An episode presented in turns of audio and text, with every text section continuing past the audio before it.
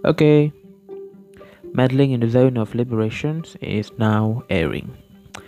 Oke kawan Mizan, pada kesempatan kali ini saya ingin membahas apa yang dekat sebenarnya dengan saya dan mungkin juga dengan kawan-kawan Mizan yaitu terkait dengan pembayaran UKT yang makin hari makin mendekati kita. Mungkin masih ada yang berpikiran itu bukan suatu masalah karena mungkin orang tuanya mampu membayar? Atau mungkin karena dia sudah bekerja dan dia bisa membayarkan sendiri biayanya?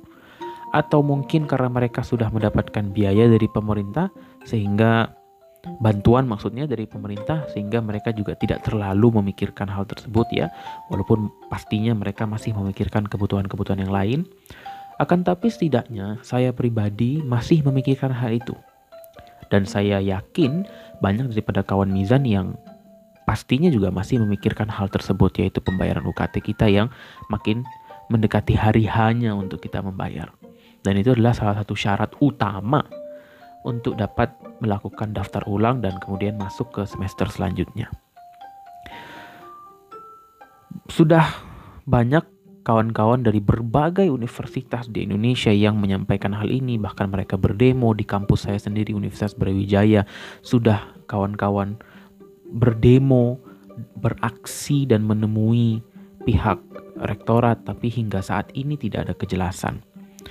Yang sudah keluar melalui peraturan menteri lalu kemudian ditranslate ke dalam peraturan rektor itu hanya sesuatu yang sebenarnya sebelum-sebelum ada pandemi pun sudah ada. Setidaknya yang saya alami. Seperti pem, pembebasan UKT lalu juga pengurangan UKT lalu pembayaran UKT secara berangsur. Jadi cara membayarnya mengangsur begitu ya seperti kredit. Setidaknya yang saya alami di tahun lalu itu sudah terjadi. Dan saya adalah salah satu orang yang melakukan tahapan tersebut. Lebih tepatnya meminta kebijakan dari fakultas untuk bisa membayar secara mengangsur atau kredit. Dan alhamdulillah disetujui dengan tentunya melampirkan surat permohonan dan lain sebagainya. Dan yang kita disuruh atau kebijakan yang diturunkan dari kebijakan menteri kemudian di translate ke dalam ke peraturan rektor kemudian ditranslate ke dalam peraturan dekan itu semua sebenarnya apa yang sudah lama terjadi kemudian diperbaharui ya jadi seperti diberi bungkus baru begitu agar seakan-akan ada kebijakan saya melihatnya seperti itu kawan Mizan saya tidak tahu kawan-kawan melihatnya seperti apa, tapi saya melihatnya seperti itu. Jadi, kebijakan lama sebenarnya hanya saja dibalut dengan nomor dan tahun yang baru gitu ya. Peraturan menteri nomor sekian tahun sekian, peraturan rektor nomor sekian tahun sekian, peraturan dekan nomor sekian tahun sekian menjadi seakan-akan baru, padahal tidak. Walaupun ada beberapa yang baru tapi juga sebenarnya tidak murni baru-baru amat seperti misalkan yang semester tua ya, kita sebutnya semester tua. Saya lupa semester berapa ya, semester 9 apa semester berapa. Pokoknya semester yang di atas itu ya. Itu kalau di kampus saya diberi potongan kalau nggak salah dari peraturan menterinya lalu di peraturan rektor juga demikian dipotong 50% atau ya 50% kalau nggak salah. Ini saat menjadi satu polemik dan saya sudah sampaikan sebenarnya kalau kawan-kawan Mizan ada yang menonton uh, di IGTV saya saya mengatakan terkait waktu itu terkait tentang UKT bahwasanya pemerintah kita melalui Menteri Pendidikan dan Kebudayaan lalu juga rektor rektor-rektor kita di rektorat di rektor-rektor universitas kawan-kawan Mizan semua termasuk saya lalu juga kumpulan para dekan itu melihat kondisi pandemi ini itu masih dalam kacamata normal atau kalau kita di orang hukum, saya orang hukum mengatakan masih mengkonstruksikan rezim hukum normal. Sedangkan ini bukan suatu kondisi normal, ini pandemi. Bahkan presiden sudah marah-marah, ayo dong prihatin. Loh, kebijakan ini tidak prihatin kepada mahasiswa. Mahasiswa masih harus diperberat dengan menyediakan surat ini, menyediakan ini, menyediakan ini, dan lain sebagainya.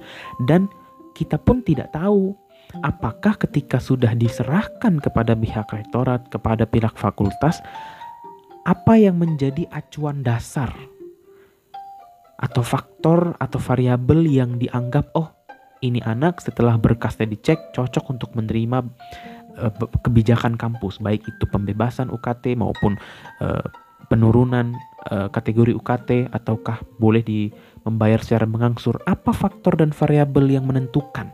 Kan kita tidak tahu. Bisa jadi ada orang seperti saya saya tidak pernah malu untuk mengucapkan saya adalah orang yang dulunya mampu tapi saat sekarang sedang terkendala secara finansial karena ada kondisi di mana kantor yang saya dan keluarga jalani itu mengalami bankruptcy bangkrut begitu sehingga kami kesulitan secara ekonomi walaupun kami masih bisa hidup sehari-hari hanya saja untuk membayar sekian juta itu sulit akan tapi ketika kami mengurus surat keterangan tidak mampu misalkan ke kelurahan. Orang kelurahan pas kelihat rumah, gimana caranya ada orang yang dikategorikan gak mampu tapi rumahnya dua megah lagi. Alhasil ini menyulitkan kita dan saya yakin mungkin kawan-kawan Mizan yang mendengarkan ini banyak yang setuju dan mungkin banyak yang merasakan hal yang sama itu menjadi satu kendala gitu. Nah, oleh karena itulah saya mengatakan dalam kondisi pandemi begini jangan dong lihat lagi rezim hukumnya rezim hukum yang normal, rezim hukum yang abnormal ya, bukan nama rumah makan kawan-kawan, tapi rezim hukum yang extraordinary ya law system. Jadi sistem hukumnya itu harus sistem hukum yang baru, sistem hukum yang memang tidak lagi membuat segmentasi-segmentasi. Oh ini mahasiswa mampu, mahasiswa tidak mampu. Kalau kalian yang lagi sulit urus, kalau kalian nggak mau urus ya sudah tidak usah diurus. Ini kan segmentasi. Dan saya memang tidak bisa sepenuhnya menyalahkan kampus karena ada berbagai universitas yang masih badan layanan umum, ada yang sudah badan hukum. Kalau yang berbadan hukum mungkin setidaknya mereka independen secara biaya walaupun masih menerima APBN tapi mereka bisa menerima jauh lebih banyak anggaran dari pihak selain negara. Sedangkan yang badan layanan umum dan masih banyak yang badan layanan umum itu masih besar anggarannya dari anggaran negara dari APBN baik APBD juga karena kalau kita baca di Undang-Undang Pendidikan Tinggi Undang-Undang 12 tahun 2012 itu ada dana APBN, ada dana APBD. Tentu APBD diberikan kepada universitas-universitas yang berada di daerah tersebut. Gak mungkin kan lintas daerah, misalkan UI diberikan dana oleh pemerintah Jabar itu gak mungkin karena sebentar UI masuknya Jakarta atau Depok? Karena Depok masuknya Jawa Barat. Oke, contoh lain lah supaya nggak nggak nggak nggak salah persepsi.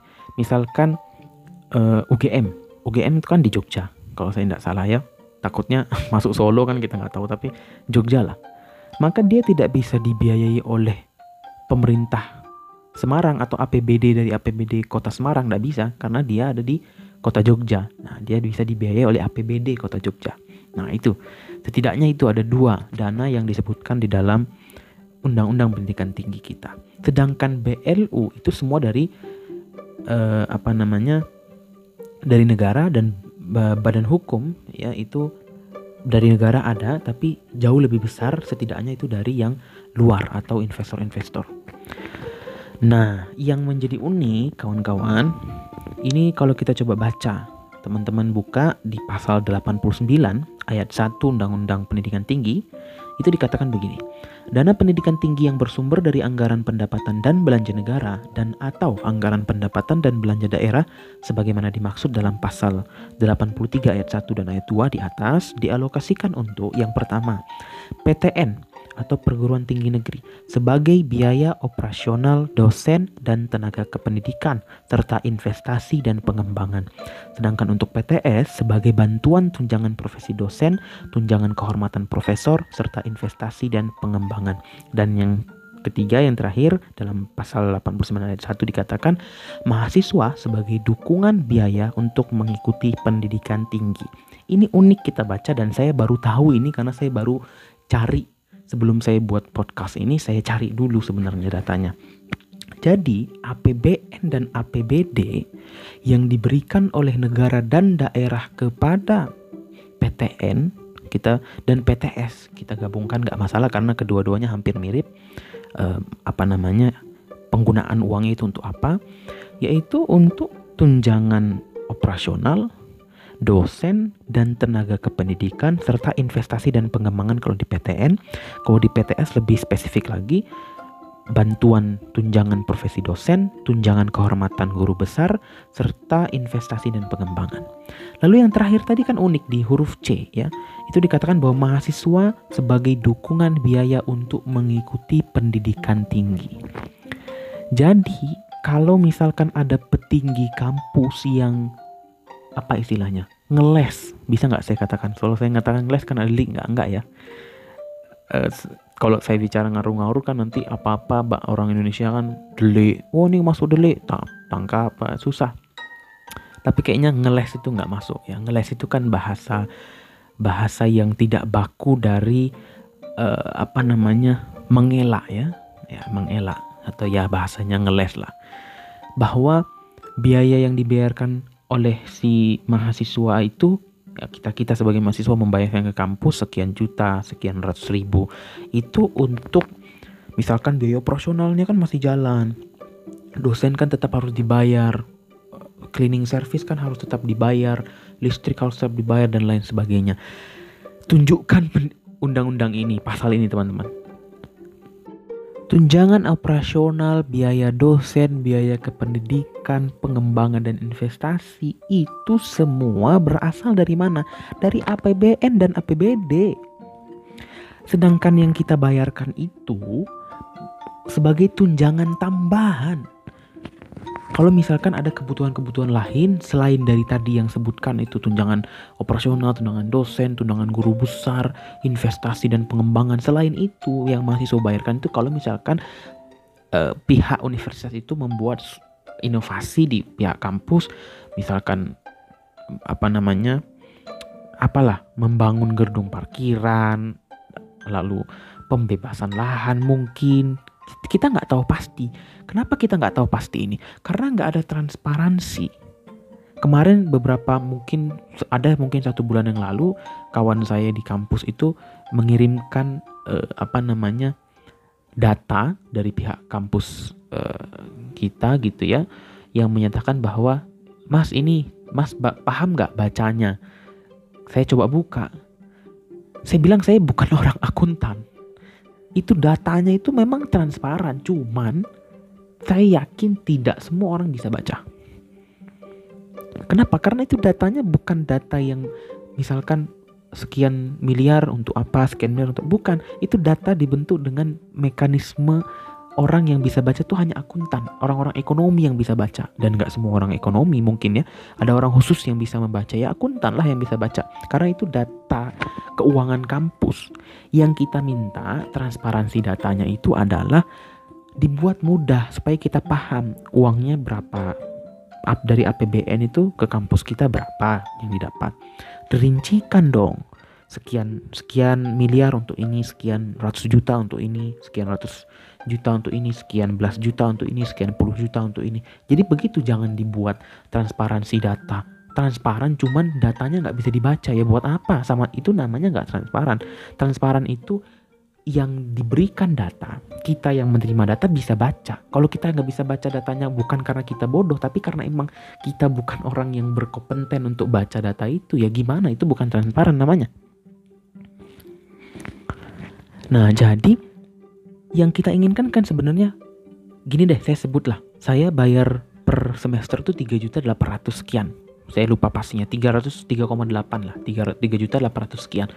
Yang kita minta itu setiap kita bayar mahasiswa itu di kampus mulai dari sejuta, dua juta, lima ribu, tiga juta, empat juta, enam juta, sepuluh juta mungkin nggak tahu ya pasti atau nggak sepuluh juta itu dikemanakan karena menurut undang-undang pendidikan tinggi mahasiswa yang bayar yang yang kita bayarkan sebagai mahasiswa ke kampus itu adalah biaya dukungan biaya, dukungan, dukungan biaya untuk pendidikan tinggi.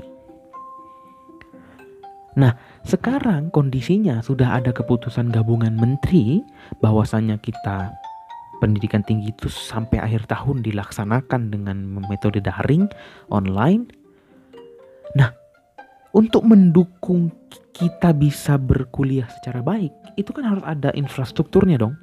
Kuota, lalu juga media apa yang digunakan, waktunya bagaimana dan lain sebagainya. Yang paling penting itu kuota dan media karena ini adalah uh, infrastruktur dasar. Kuota, internet dan medianya. Medianya kan banyak. Setidaknya yang saya gunakan itu mulai dari Zoom, Google Meet. Ini nggak apa-apa ya nyebut merek ya. Google Meet, Zoom, lalu juga Google Classroom, mungkin kadang-kadang YouTube, Instagram juga kadang-kadang ada dosen yang ayo buat video upload di IGTV kalian gitu. Itu itu berbagai macam media dibuat, itu infrastruktur dasarnya. Nah, karena di sini di dalam Undang-Undang Pendidikan Tinggi dikatakan bahwa dana dari mahasiswa itu sebagai dukungan biaya untuk kampus, agar apa sih sebenarnya? Agar pihak kampus bisa mewelcome kita sebagai yang belajar, bagian dari sivitas akademika mahasiswa itu bisa efektif dan efisien belajar. Nah, sekarang kita sedang tidak ada di kampus karena dalam kondisi pandemi, sehingga biaya yang kita bayarkan itu kita minta transparan dong, Pak kami bayar. Saya lah. Saya nggak uh, gue nggak usah bilang lah kalian itu semua bayar berapa. Saya sendiri deh. Saya bayar pak 3 juta 800 sekian. Saya minta transparansi dari kampus 3 juta 800 sekian saya itu dikemanakan. Karena ini bentuk dukungan bentuk saya membayar untuk untuk yang saya dapatkan loh pak. Kalau bapak bilang biaya operasional bapak ibu supaya nggak diskriminatif kalau Bapak Ibu bilang biaya operasional buat biaya dosen dan biaya kependidikan dan lain sebagainya, loh Bapak nggak baca Undang-Undang Pendidikan Tinggi? Undang-Undang Pendidikan Tinggi bilangnya APBN dan APBD yang buat bayar yang Bapak sebut tadi. Sedangkan yang kami bayar itu untuk mendukung kami agar bisa belajar jauh lebih nyaman, lebih sejahtera dalam belajar, lebih efektif, lebih efisien. Sekarang kondisinya kami harus belajar di rumah karena atau belajar di kos, pokoknya nggak datang ke kampus metodenya daring, infrastrukturnya kuota dan inter kuota dan medianya apa. Kami minta dong. Karena ini bayaran kami ini untuk menunjang kami kuliah agar kampus bisa menyediakan sarana dan prasarana agar kami bisa berkuliah dengan baik. Karena kami sedang tidak di kampus, karena tidak bisa datang ke kampus, Anda harusnya kami bayarkan tetap, tapi Anda bi biayai kami dong.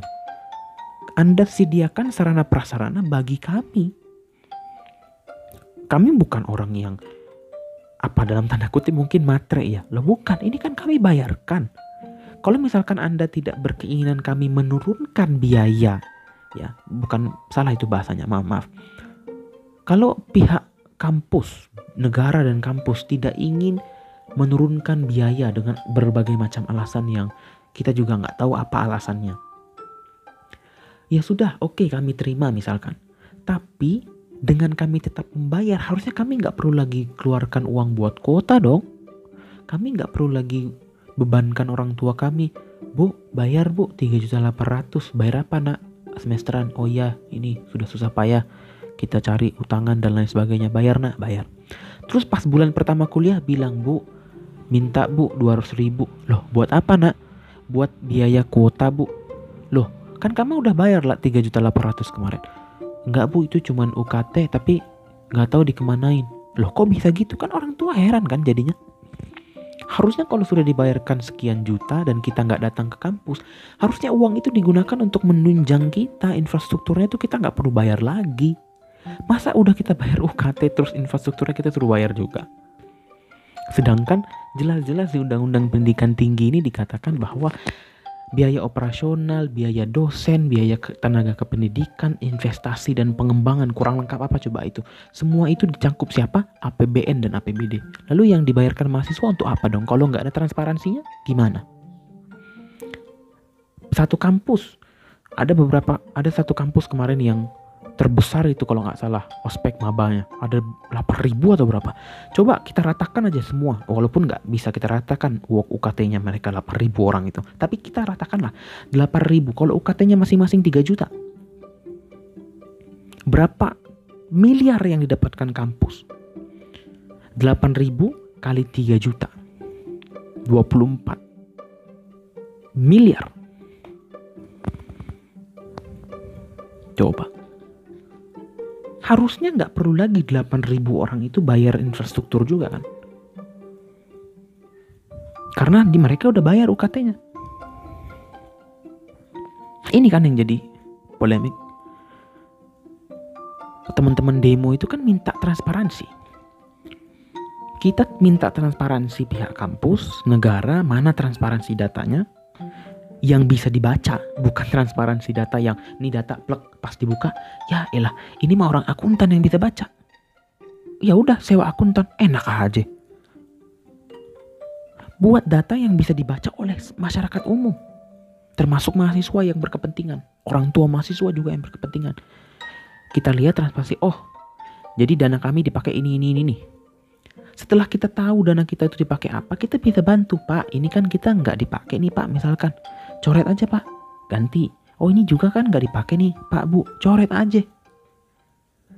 Itu kan jauh lebih baik. Loh, gimana kalau kita mau kasih solusi? Katanya jangan kritik-kritik doang dong. Solusinya mana dari para, dari para mahasiswa yang berkepentingan? Loh, gimana kita mau kasih solusi kalau misalkan transparansi datanya kagak ada? Buka dulu, Bapak Ibu. Baru kita bicarain bareng-bareng yang nggak nggak tiba-tiba sepuluh ribu mahasiswa ngerubuk rektorat ngomong enggak lewat perwakilan kan ada pihak eksekutif mahasiswa ada DPM ada senat dan sebagainya. Dari mereka lah akan ngomong nanti. Ini pak ini kan kiranya misalkan kita nggak ke kampus pak misalkan. Apa misalkan? Kalau misalkan udah kayak gini misalkan dikatakan bahwa yang dikeluarkan melalui APBN itu adalah tunjangan operasional berarti kan itu listrik air internet itu kan internet kampus maksudnya itu kan semua biaya operasional kan? Masuk ke dalam APBN nah ini jadi satu masalah. Gitu kawan Mizan. Jadi solusinya ya mau nggak mau pihak negara melalui kementerian lalu juga dan pihak universitas ya melalui rektorat, melalui dekanat itu harus membuka data transparan. Ya, saya coba paham lah mungkin pihak sama nih kayak misalkan kita nih, misalkan kawan Mizan kita mahasiswa nih, terus kita uh, apa namanya uh, eh, LOF atau apa namanya lembaga lembaga-lembaga di mahasiswa nih gitu buat acara kan misalkan ada kepanitiaan terus buat proposal ngajukan dana misalkan butuh dana 10 juta misalkan diajukanlah ke dekanat turun dari dekanat cuma 5 juta misalkan cuma 50 persennya nggak sampai 10 juta mau nggak mau kan kita harus danusan gitu ya nyari dana dari uh, luar jualan cari kerjasama cari partner dan lain sebagainya untuk memenuhi 10 juta itu. Mungkin juga saya berpikiran bahwa kampus juga gitu, walaupun mereka di Undang-Undang Pendidikan Tinggi mengatakan bahwa APBN dan APBD yang membiayai operasional itu dan lain sebagainya ya, yang bersifat dasar bagi universitas. Mungkin proposalnya ditawarkan misalkan kami butuh per tahun per semester lah kita bilang misalkan butuh 10 miliar tapi cuma dikasih 5 miliar mau nggak mau kan 5 miliarnya harus dari biaya yang dibayarkan mahasiswa tuh. Ya, kita kalau pakai pikir logis kan kayak gitu kan. Tapi 5 miliar dengan tadi contoh, contoh tadi aja. Yang mahasiswa 8000 dengan bayaran masing-masing 3 juta. Saya coba hitung ya. Dengan kalkulator. Daripada salah ntar saya di dikatain ini lagi menyebar berita bohong. Misalkan 3000 uh, eh, apa namanya? mahasiswanya 8000 ya kan? Terus per mahasiswa bayar 3 juta. 24 miliar. Sedangkan misalkan yang dibutuhkan si universitas 10 miliar dana diajukan ke negara. Dari menteri dikasih cuma 5 miliar. Berarti masih ada kurang 5 miliar. Ada 24 miliar dari yang dibayarkan oleh 8.000 mahasiswa itu tadi. Berarti kan ada 19 miliar yang tidak terpakai untuk menutupi biaya operasional mereka biaya dasarnya. Biaya dasar tuh yang tadi kita sudah bahas ya uh, listrik air internet dosen pendidikan dan lain sebagainya. Ya gaji dosen maksudnya dan lain sebagainya. Itu sudah menutupi. Masih ada 19 miliar. 19 miliarnya dikemanain itu kan yang kita tanyakan pak ini sisa ini yang kami bayarkan nih sisanya ke mana masa iya dari negara turunnya cuma sekian lebih banyak yang didapatkan dari mahasiswa. Ya, kita cuma bisa menerka-nerka. apa yang membuat kita cuma bisa menerka-nerka? Ya karena nggak ada transparansi datanya itu yang kita minta kan. Ini saya sampai gigit mic ini gara-gara greget gitu. Dan juga kepada ini terakhir ya mungkin kepada teman-teman di BEM, teman-teman di DPM ya. Maupun di badan-badan lah. Kalau di nama kampus saya namanya BEM, namanya DPM ya, mungkin di kampus-kampus lain mungkin berbeda ya berbeda sedikit beda huruf dan lain sebagainya. Harus sigap advokasinya. Karena yang merasakan ini ribuan mahasiswa mungkin bisa belasan ribu mahasiswa yang merasakan hal ini. Dan hari makin maju makin cepat sampai kepada pembiayaan UKT ya. Ini kayak kayak ibaratkan kalau karikatur atau apa bahasanya itu. Kalau yang kartun-kartun lucu itu apa ya namanya? Saya lupa lagi ya Allah. Kita itu ibaratkan baris itu di ujung sana tuh jurang pembayaran OKT itu di ujung itu yang dicari kan? Di sana pihak-pihak kampus tuh di ujung kita baris nih. Makin maju makin maju makin maju makin maju. Pas di depan bayar UKT padahal kita minta dari jauh-jauh kita udah pasang bendera nih. Transparansi data woi. Tapi kita udah capek-capek. Mungkin bisa dikatakan melanggar protokol kesehatan untuk demo saja kita nggak dipeduliin. Lalu kita mau gimana masa iya kita bicara seperti ini? Makanya saya namakan meddling in the zone of liberation. Bahkan sebelumnya saya mau namakan meddling in the zone of anarchy. Tapi nanti takutnya kata-kata anarki itu disalahartikan. Karena apa yang muncul di masyarakat kalau disebut anarki itu mereka yang rusuh gitu lain-lain sebagainya. Padahal bukan itu niatnya. Niat saya adalah meddling maksudnya itu bercampur tangan atau ikut nimbrung in the zone of liberation di zona pembebasan bahwa kita bebas berpikir, kita bebas menyampaikan pendapat dan lain sebagainya. Di sini nih kita pengen kayak gitu. Dan ini adalah salah satu bentuk saya. Undang-undangnya udah benar sebenarnya, walaupun kurang tegas dan kurang jelas. Besok saya kok, kok besok ya saya mikirnya saya masih buat ini malam ini saya buat pagi hari ini saya akan ke MK menggugat juga undang-undang pendidikan tinggi tapi tentang kebebasan mimbar akademik bukan tentang pembayaran tapi semoga di hari ini ketika saya maju sebagai satu pemohon saya sendirian sebagai prinsipal memperjuangkan hak mahasiswa untuk berbicara saya harap di hari ini juga, di hari ini juga, sama-sama di seluruh Indonesia mahasiswa bisa mendapatkan kejelasan sebenarnya dari pihak kampus kita semua, di mana pun kawan-kawan Mizan berkuliah, berpendidikan tinggi, bisa mendapatkan kejelasan. Bagaimana kami menghadapi UKT ini? Jika memang diturunkan, Alhamdulillah seperti tuntutan kita semua, tapi kalaupun tidak diturunkan, mana transparansi datanya? Agar kami bisa carikan juga solusi. Dan semoga di hari ini juga saya mohon doanya dari kawan-kawan Mizan perjuangan saya tidak mengatakan ini perjuangan saya tapi ini perjuangan kita hanya saja saya memban saya membantu dengan diri saya datang ke Mahkamah Konstitusi untuk membela hak kita untuk berbicara.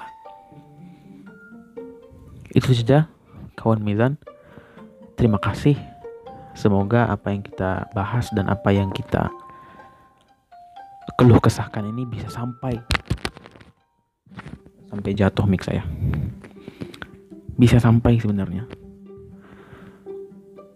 ke meja-meja para rektor, meja para dekan, meja Pak Menteri, bahkan bisa sampai ke meja Presiden.